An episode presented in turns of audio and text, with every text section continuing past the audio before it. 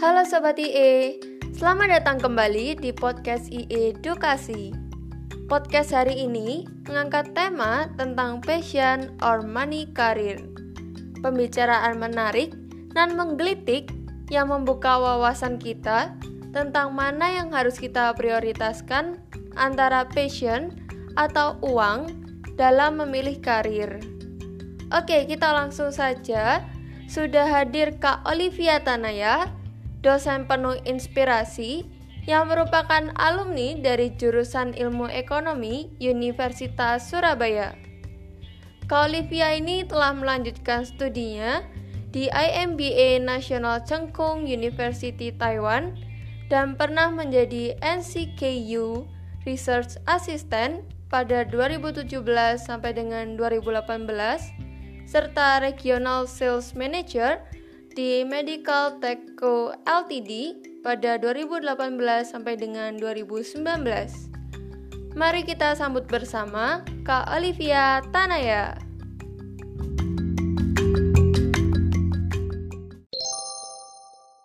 Kepada Kak Olivia kami persilakan. Oke, terima kasih ya Hendrik.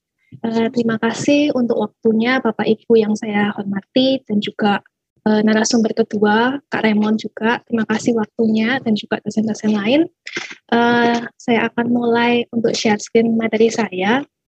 Jadi uh, untuk materi ini terkait tentang do what I love or what pays ya. Jadi antara passion atau money career. Tapi sebelum uh, saya membawa teman-teman semua ke perjalanan hidup saya supaya nanti teman-teman ada bayangan mana sih yang dipilih antara passion atau money career uh, saya mau ngajak teman-teman buat ke Mentimeter terlebih dahulu. Jadi kayaknya nggak afdol kalau misalnya saya ngajak teman-teman ke ngeliat saya perjalanan hidupnya kayak gimana, tapi saya nggak kenal sama teman-teman. Mungkin ini sambil saya share di chat ya, Mentimeter. Ini sudah ada linknya, mungkin teman-teman bisa sekaligus join uh, di Mentimeter. Pertanyaannya gampang banget, tenang aja. Ini bukan quiz. Jadi uh, saya penasaran nih untuk teman-teman mahasiswa semester berapa nih ingin tahu ya kira-kira yang ada di sini tuh kebanyakan semester berapa sih? Oke, ada yang semester satu, ada yang semester tiga. Mayoritas semester tiga ya. Oh ini karena semester gasal, maka gasal semua ya, satu tiga lima. Oke, dari sini kita tahu mayoritas semester tiga ya. Berarti kurang lebih ada di masih awal tapi sudah nggak terlalu awal-awal banget lah ya. Nah kita lanjut ke pertanyaan berikutnya. Fashion designer soalnya suka fashion. Oke. Okay.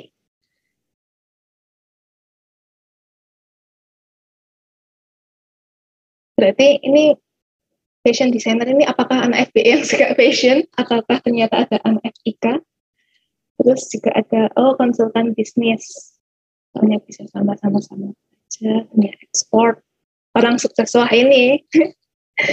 Susah ya kalau orang sukses. Terus apalagi nih? Kita tunggu sampai agak banyakan ya. Pengusaha karena ingin menciptakan lapangan pekerjaan untuk banyak orang. Wah mantep banget nih alasannya. Biro pariwisata ingin bekerja sambil staycation.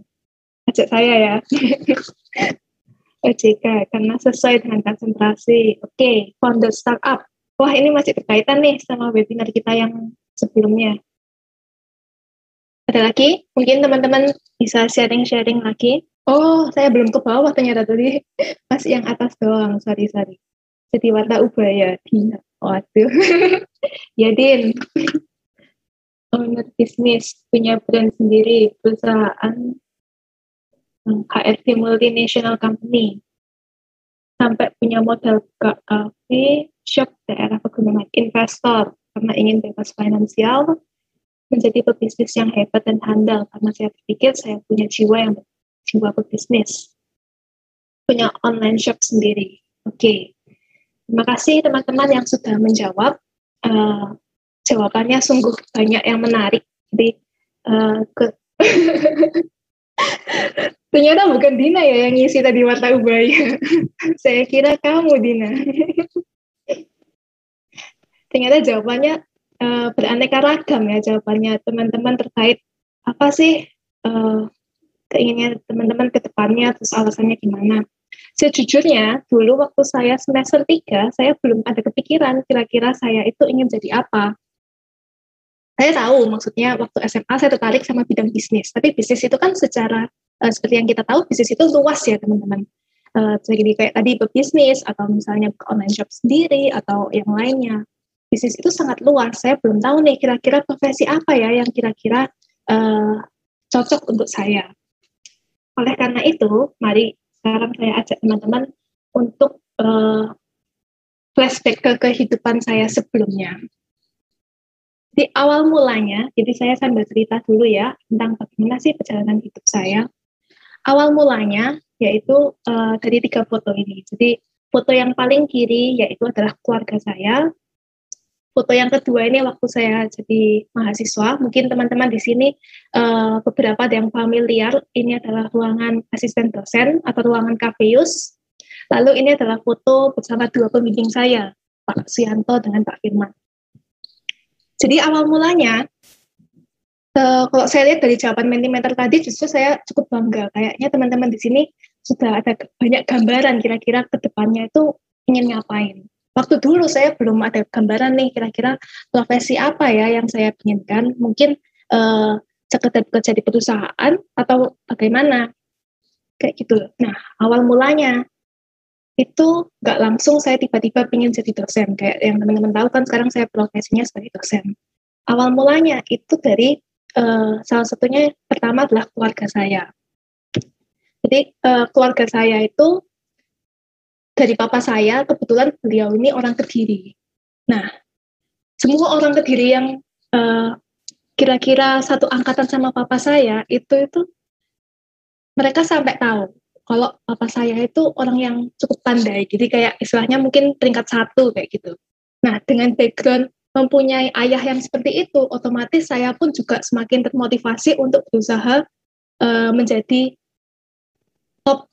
nomor satu di kelas kayak gitu kan karena uh, ayah saya seperti itu saya juga termotivasi untuk jadi seperti itu nah selain itu saya juga punya kakak nah di sini uh, ada adik juga tapi adik saya itu uh, selisihnya agak jauh jadi saya cukup lama uh, hanya empat orang di keluarga saya nah kakak saya ini dia itu uh, cukup pintar nah tapi dia jaraknya cukup dekat sama saya kurang lebih empat tahun. Di sini uh, seperti pada keluarga-keluarga umumnya saya cukup sering dibandingkan sama kakak saya kayak gitu kan. Nah kakak saya waktu kuliah itu dia dia mendapatkan kesempatan untuk jadi asisten dosen karena dia sudah jadi asisten dosen, terus adiknya otomatis jadi kepingin juga kan, karena di sini kan biasalah kalau saudara kita pingin sepatu yang cantik, kita juga pingin sepatu yang cantik, kayak gitu kan. Karena kakak saya sudah jadi asisten dosen, maka saya pun juga kepingin jadi asisten dosen, kayak gitu. Nah, itu sebenarnya barusan alasan awal, kenapa kok saya pilih, saya pingin jadi asisten dosen. Terus nggak lama, uh, waktu di Ubaya ini kan pendaftaran asisten itu kan sekitar semester 4 ya dan semester 4 saya pun mendaftar di KPU. Saya terima. Ketika di jadi asisten dosen, saya mulai enjoy dengan proses ini. Kok enak ya ngajari orang. E, rasanya itu kayak seneng banget ketika ada orang lain tuh bisa paham karena kita kayak gitu. Nah, karena ada perasaan itu, semakin lama semakin tergerak nih. Oh, enak ya kalau jadi dosen kayak gitu. Mulai ada bayangan, mulai ada gambaran uh, untuk memilih karir sebagai dosen. Terus ketika saya lulus, ini pembimbing saya, mungkin kalau kalian perhatikan, kalau Pak Suyanto kayaknya masih kurang lebih sama ya. Kalau Pak Firman terlihat jauh lebih muda ya kalau di sini. mungkin kalau teman-teman lihat di sini Pak Pak Firman ini terlihat oh muda sekali. Saya beliau nggak bisa hadir. Tapi untungnya saya sudah sempat nunjukin fotonya ini ke Bapak Pak Firman sebelumnya. Terus beliau juga sempat kayak kaget juga. Oh masih ada ya foto ini? Kayak gitu.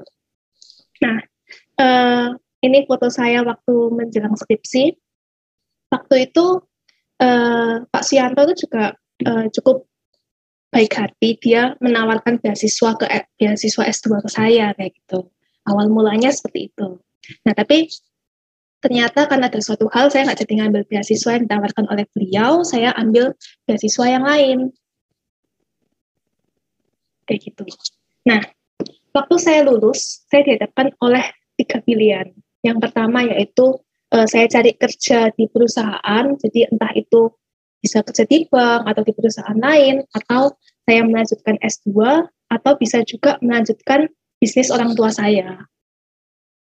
Di antara tiga pilihan ini saya cukup bingung, tapi saya uh, tadi tiga jalan ini saya merasa uh, kayaknya saya nggak tertarik deh untuk melanjutkan usaha orang tua saya karena uh, saya merasa bukan bidangnya kayak gitu. Jadi kan pilihan saya otomatis tinggal dua ya. Yang pertama yaitu bekerja di perusahaan, yang satunya ini uh, untuk melanjutkan S2.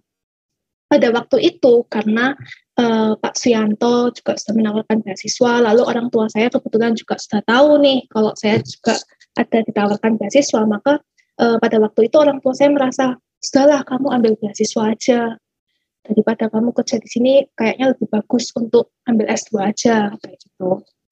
Terus saya juga pikir-pikir, hmm, iya ya kayaknya enak ya buat ngambil S2, cobalah. Jadi uh, dari tiga jalur ini saya saya milih untuk ambil S2. Tapi ternyata untuk mengambil S2 itu jalannya nggak mudah.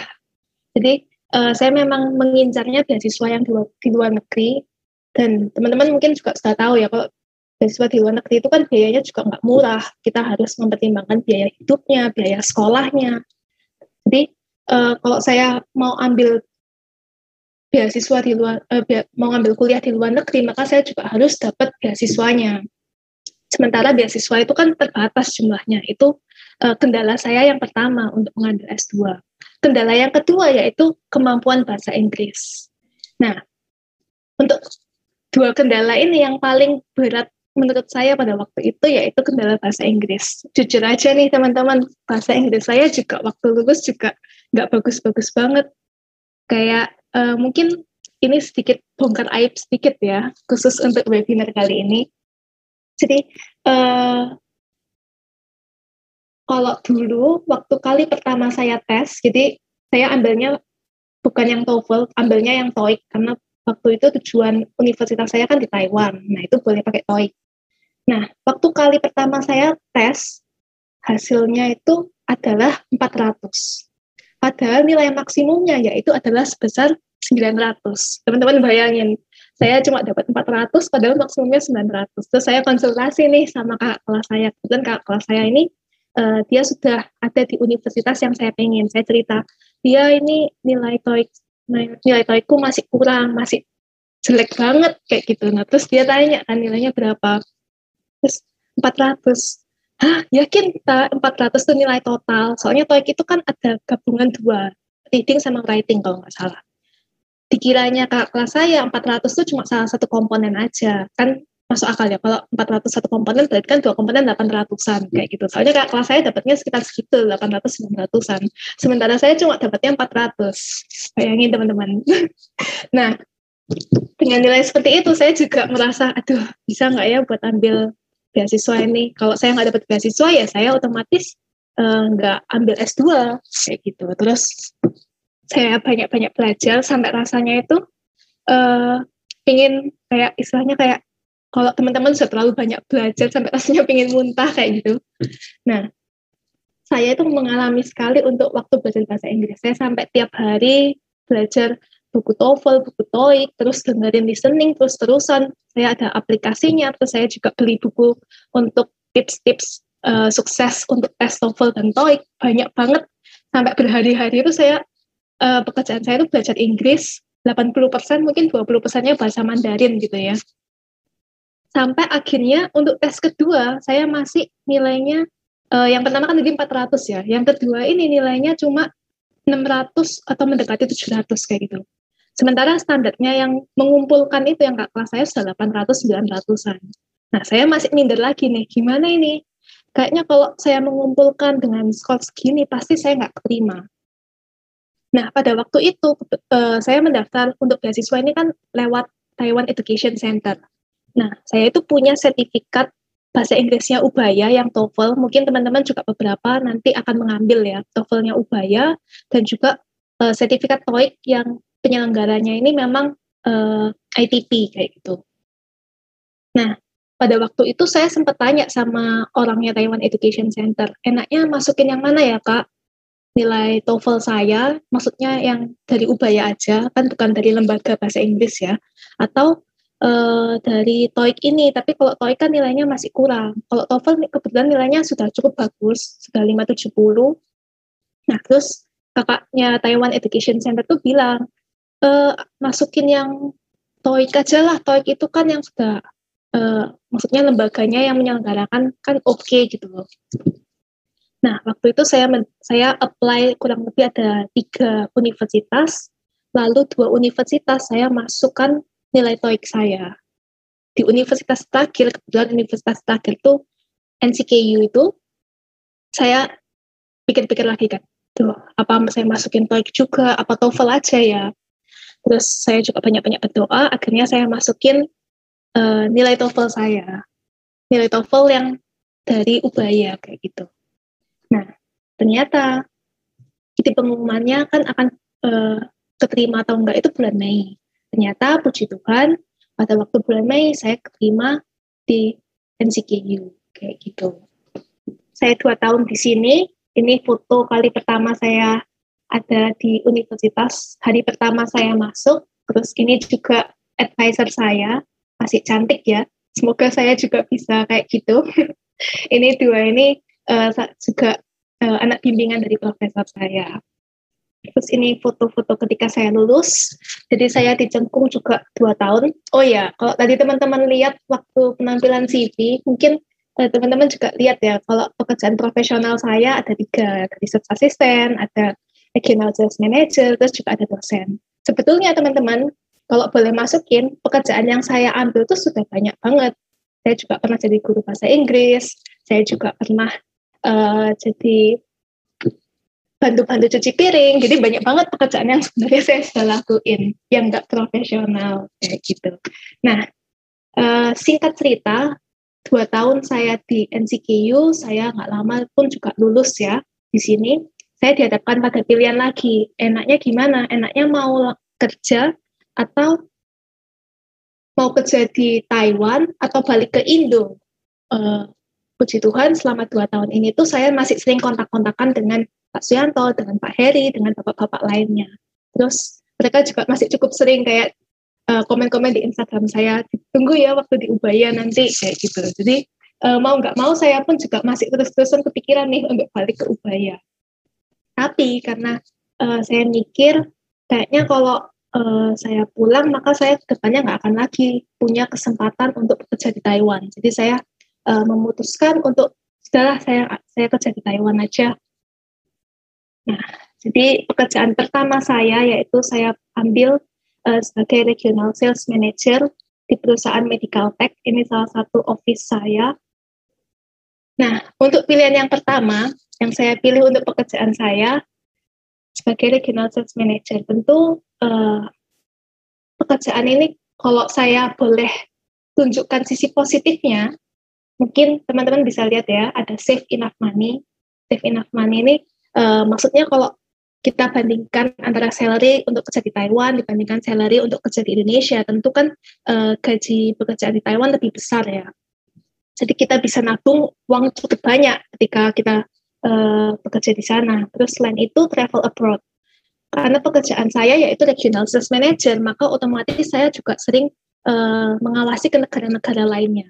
Jadi kalau teman-teman bisa bayangin, saya masuk di pekerjaan ini tuh barusan join November, Januari saya sudah pergi ke Dubai, terus bulan Maret saya pergi ke Jepang, dan bulan-bulan berikutnya saya pergi ke negara-negara lainnya. Nah, selain itu, benefit lainnya juga international culture. Jadi karena uh, karena rekan-rekan saya adalah orang-orang asing, jadi saya pun otomatis juga uh, banyak kolega dari Jepang, dari negara-negara lain.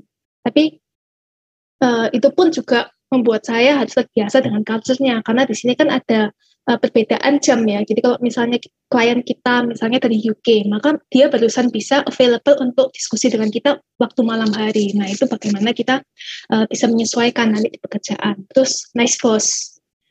Bos ini juga bosnya oke. Okay. Jadi kalau misalnya mungkin beberapa teman yang mengeluh di pekerjaan pertama, ah bos saya nggak enak. Tapi di pekerjaan saya yang pertama, bos saya juga cukup enak. Beliau cukup sering uh, memberikan saya bonus-bonus. Jadi misalnya saya ke Jepang diberikan strawberry, kayak gitulah. terus juga ada good incentive. Good incentive ini sangat menarik sekali. Jadi uh, sejauh pekerjaan yang sudah saya jalani selama ini, menurut saya perusahaan ini punya insentif yang paling baik. Kenapa kok saya bilang gitu? Karena uh, perusahaan ini akan membayar teman-teman kalau teman-teman uh, melakukan olahraga. Jadi kebetulan perusahaan ini kan bergerak di bidang kesehatan ya. Nah di sini uh, bos saya ke bos saya beli alat treadmill, lalu di, uh, ada dua alat treadmill di sebelah ruangan kantor. Terus uh, dia memberikan insentif. Kalau misalnya kita uh, lari sejauh satu kilometer, maka kita akan dapat benefit sebesar 50 ribu. Siapa di sini teman-teman yang ingin untuk dapat insentif kayak gitu? Jadi uh, sejujurnya kalau kita bandingkan mungkin pekerjaan saya yang pertama sama pekerjaan saya yang sekarang, saya merasa insentifnya masih lebih bagus di pekerjaan saya yang pertama. Saya juga lihat uh, dari teman-teman saya, kalau insentif kayaknya masih okean ini ya, kayak gitu menarik sekali. Jadi mereka menuntut kita untuk eh, nggak uh, cuma jualan alat kesehatan, tapi kita juga harus tuntut untuk selalu sehat, untuk selalu produktif kayak gitu. Dengan insentif ini saya bisa mengumpulkan uh, satu bulan tuh bisa sampai uh, sekitar 2-3 juta hanya karena berlari kayak gitu. Bayangin teman-teman hanya lari aja kita bisa, dapat 2-3 juta ya. Siapa di sini teman-teman yang uh, pingin untuk kerja di perusahaan ini mungkin bisa bisa raise hand ya. Kalau misalnya teman-teman merasa pekerjaan ini tuh menyenangkan sekali, teman-teman bisa nabung dengan jumlah yang banyak, bisa keluar negeri setiap bulan, bisa punya bos yang enak, insentifnya juga oke. Okay. Gimana? Ada yang mau untuk kerja di sini? Gak ada yang mau? Serius? Serius? Gak ada yang mau? Padahal menurut saya sudah cukup nice loh perusahaan ini. Oke, saya lanjutkan lagi. Nah, tapi di luar semua benefitnya itu tentu ada alasan kenapa kok saya memilih untuk meninggalkan perusahaan ini ya. Jadi, eh, kenapa kok saya meninggalkan perusahaan ini? Ini memang uh, saya bukan dipecat ya teman-teman, saya memang meninggalkan perusahaan ini karena uh, kalau boleh jujur CEO saya waktu saya resign, beliau juga menawarkan uh, salary yang lebih tinggi dibandingkan uh, salary saya yang biasanya. Jadi saya masih cukup diinginkan lah untuk bekerja di perusahaan. Kenapa kok saya keluar? Karena uh, salah satunya saya berpikir, saya merasa uh, saya nggak bisa untuk di pekerjaan ini untuk dalam jangka waktu yang panjang. Mungkin teman-teman bisa mudah membayangkannya melalui quotes ini ya. Bagaimana kita menghabiskan waktu kita, bagaimana kita menghabiskan hidup kita. Sebagian besar itu waktu kita akan dihabiskan untuk pekerjaan kita. Rata-rata satu orang itu akan menghabiskan kurang lebih 8 jam ya di pekerjaan. Nah, bayangin teman-teman, 8 eh, jam itu kan berarti satu per hidup kita kita habiskan untuk pekerjaan kita diakumulasikan untuk satu tahun menghabiskan 9.000 jam. Nah, mungkin nanti teman-teman ke depannya akan membayangkan, apakah teman-teman mampu untuk menghabiskan 9.000 jam itu untuk pekerjaan yang teman-teman jalani? Apakah alasannya teman-teman memilih pekerjaan itu cukup kuat untuk membuat teman-teman tetap semangat dalam menjalani hidup ini? Kayak gitu. Selain itu, mungkin ini juga konsep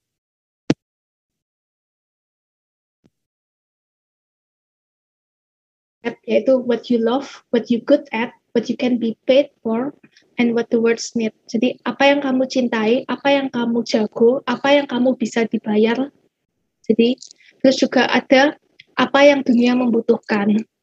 Saya nggak merasa di pilihan pertama saya, saya menemukan ikigai saya. Sementara uh, waktu itu saya sudah mulai memikirkan bagaimana ketika saya menjadi dosen, saya bisa menjalani ikigai saya. Jadi untuk menjadi seorang dosen merupakan salah satu yang saya sukai. Saya juga cukup bagus untuk jadi dosen. Semoga ya, semoga teman-teman di sini yang jadi murid saya juga merasa saya cukup bagus untuk jadi dosen. Terus, what you can be paid for. Jadi saya digaji untuk melakukan apa yang saya sukai dan juga what the words need. Jadi dunia juga membutuhkan pendidikan. Jadi kenapa sih kok saya memilih dosen daripada uh, bekerja di tengah-tengah semua insentif yang bagus ini? Karena saya merasa bahwa dengan menjadi dosen, empat elemen ini semuanya terpenuhi. Kayak gitu. And I choose to be here. Jadi ini saya agak pamer sedikit ya. Jadi ini beberapa foto waktu saya mengajar, waktu saya pengabdian, waktu saya kegiatan panitia-panitia. Di antara semua foto-foto ini, saya merasa ikigai saya sudah terpenuhi. Jadi uh, ini adalah pilihan saya kayak gitu. Jadi pilihan kedua saya bukan berarti saya pilih passion, tapi saya memilih empat komponen ini bisa terpenuhi dan itu adalah ada di pilihan dosen saya. Nah, berikutnya sudah berhenti ya. Jadi kan ini kan sudah kita sudah sampai ke tahap uh, kita sudah flashback dari awal sampai akhir. Lalu sekarang untuk teman-teman, how about if you cannot follow your passion? Sering banget kalau misalnya kita jumpai untuk orang tua, untuk teman-teman, mereka nggak bisa untuk bekerja sesuai dengan passion. Nah, itu bagaimana? Kalau misalnya teman-teman suatu saat nanti akan bekerja di mana teman-teman bekerja yang nggak sesuai passion, it's okay teman-teman. Karena bagaimanapun teman-teman juga harus mempertimbangkan antara wants dan juga need ya kan? Apa yang teman-teman butuhkan dan apa yang teman-teman inginkan. Kalau misalnya teman-teman mengikuti passion, tapi teman-teman nggak bisa mengikuti, nggak bisa memenuhi tanggung jawabnya teman-teman, nggak bisa memenuhi tanggung jawab kehidupannya teman-teman, itu juga uh, bukan hidup yang baik saya rasa. Jadi it's okay kalau misalnya teman-teman mungkin waktu di awal merasa saya harus bayar kuliah mahal-mahal, maka saya harus menghasilkan uang yang cukup besar juga. Nah, it's okay kalau misalnya teman-teman mau menjalani hidup seperti itu juga. Tapi mungkin seiring berjalannya waktu ketika teman-teman sudah uh, sudah cukup settle, sudah punya uang yang cukup banyak, tenaga, dan juga teman-teman uh, seiring berjalannya waktu, skillnya teman-teman juga terus diasah. Mungkin teman-teman bisa mulai untuk menengok passionnya teman-teman lagi. Nah, ini saya sambil sharing gimana sih cara teman-teman untuk meningkatkan peluangnya di sini ada internal dan juga eksternal. Eksternal ini yaitu uh, kita harus banyak-banyak berdoa, terus juga terkait dengan keberuntungan. Keberuntungan ini meskipun terlihat sepele, tapi sebetulnya juga uh, salah satu komponen yang besar menurut saya. Lalu saya bahasnya untuk yang internal aja ya. Nah, bagaimana nih untuk teman-teman bisa meningkatkan peluang? Yang pertama yaitu teman-teman harus memahami dulu dirinya teman-teman. Apa sih yang menjadi kekuatan, apa yang menjadi kelemahan? Kalau misalnya kelemahan, teman-teman evaluasi, apakah ini akan mengganggu jalan saya? Dan bagaimana nanti teman-teman bisa memperbaiki dari kelemahannya. Lalu yang kedua, jangan takut untuk buat kesalahan, karena kesalahan itu uh, kita bisa belajar dari kesalahan. Bukan berarti ketika kita salah, terus kita nggak mau bikin baru lagi. Jangan menyerah, Lalu yang ketiga, keluar dari comfort zone. Ini saya rasa teman-teman di sini juga sering banget ya dengar kalau terus-terusan di comfort zone, mungkin kita nggak akan bisa mengembangkan diri kita yang sebenarnya. Lalu yang keempat, kita harus lebih aktif lagi di hidup kita karena ini adalah hidup kita. Jadi kita harus jadi pihak yang aktif. Banyak-banyaklah bicara sama orang lain, baca buku yang lebih banyak, traveling juga, supaya kita bisa semakin banyak peluang untuk menemukan opportunities. Lalu yang terakhir, pay attention to things happen around you and be nice to others. Jadi uh, orang yang mungkin teman-teman nggak nyangka, misalnya nih teman-teman ketemu si A, terus teman-teman merasa oh ini loh cuma sekedar teman, tapi belum tentu nanti ke depannya uh, dia akan menjadi teman aja, bisa aja nanti teman-teman uh, justru dibantu sama si A ini. Jadi harus selalu nice ke orang lain. Nah, kenapa sih kok saya menyaranin teman-teman untuk meningkatkan peluang passion ya teman-teman? Karena di sini uh, menurut Angela Duckworth, jadi Angela Duckworth ini seorang founder dan juga CEO Karakter Lab, sekaligus juga peneliti. Beliau ini mengadakan penelitian. Jadi uh, ada beberapa sampel. Yang pertama yaitu terkait uh, perlombaan untuk spelling, lalu juga ada kayak di militer atau lomba lomba matematika seperti itu. Nah, beliau ini mengamati apa sih yang menjadi kunci suksesnya seseorang kayak gitu. Apakah IQ, talent, atau yang lainnya? Ternyata menurut Angela Duckworth, faktor yang membuat seseorang itu bisa sukses yaitu adalah grit. Di mana grit ini adalah komposisi dari passion dan juga perseverance. Nah, perseverance ini berarti kan ketekunan ya teman-teman. Jadi teman-teman nggak cuma harus suka sama bidangnya teman-teman, teman-teman juga harus selalu tekun. Jadi sukses adalah 80% showing up.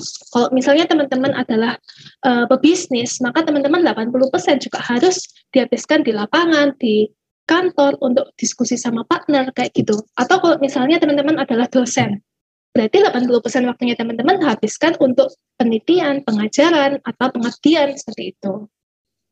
Nah, dengan teman-teman terus tekun untuk menjalani segala sesuatu, maka saya itu juga akan bisa mendorong teman-teman untuk bisa sukses.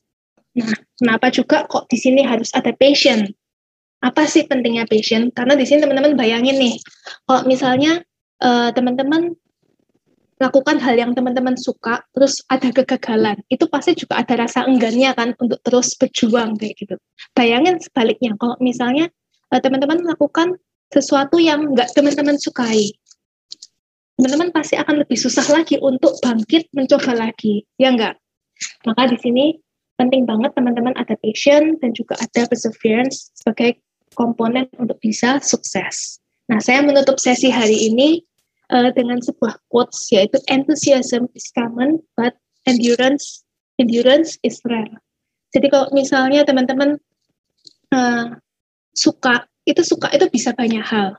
Tapi bagaimana teman-teman bisa bertahan, bisa terus berjuang itu adalah sesuatu yang jarang.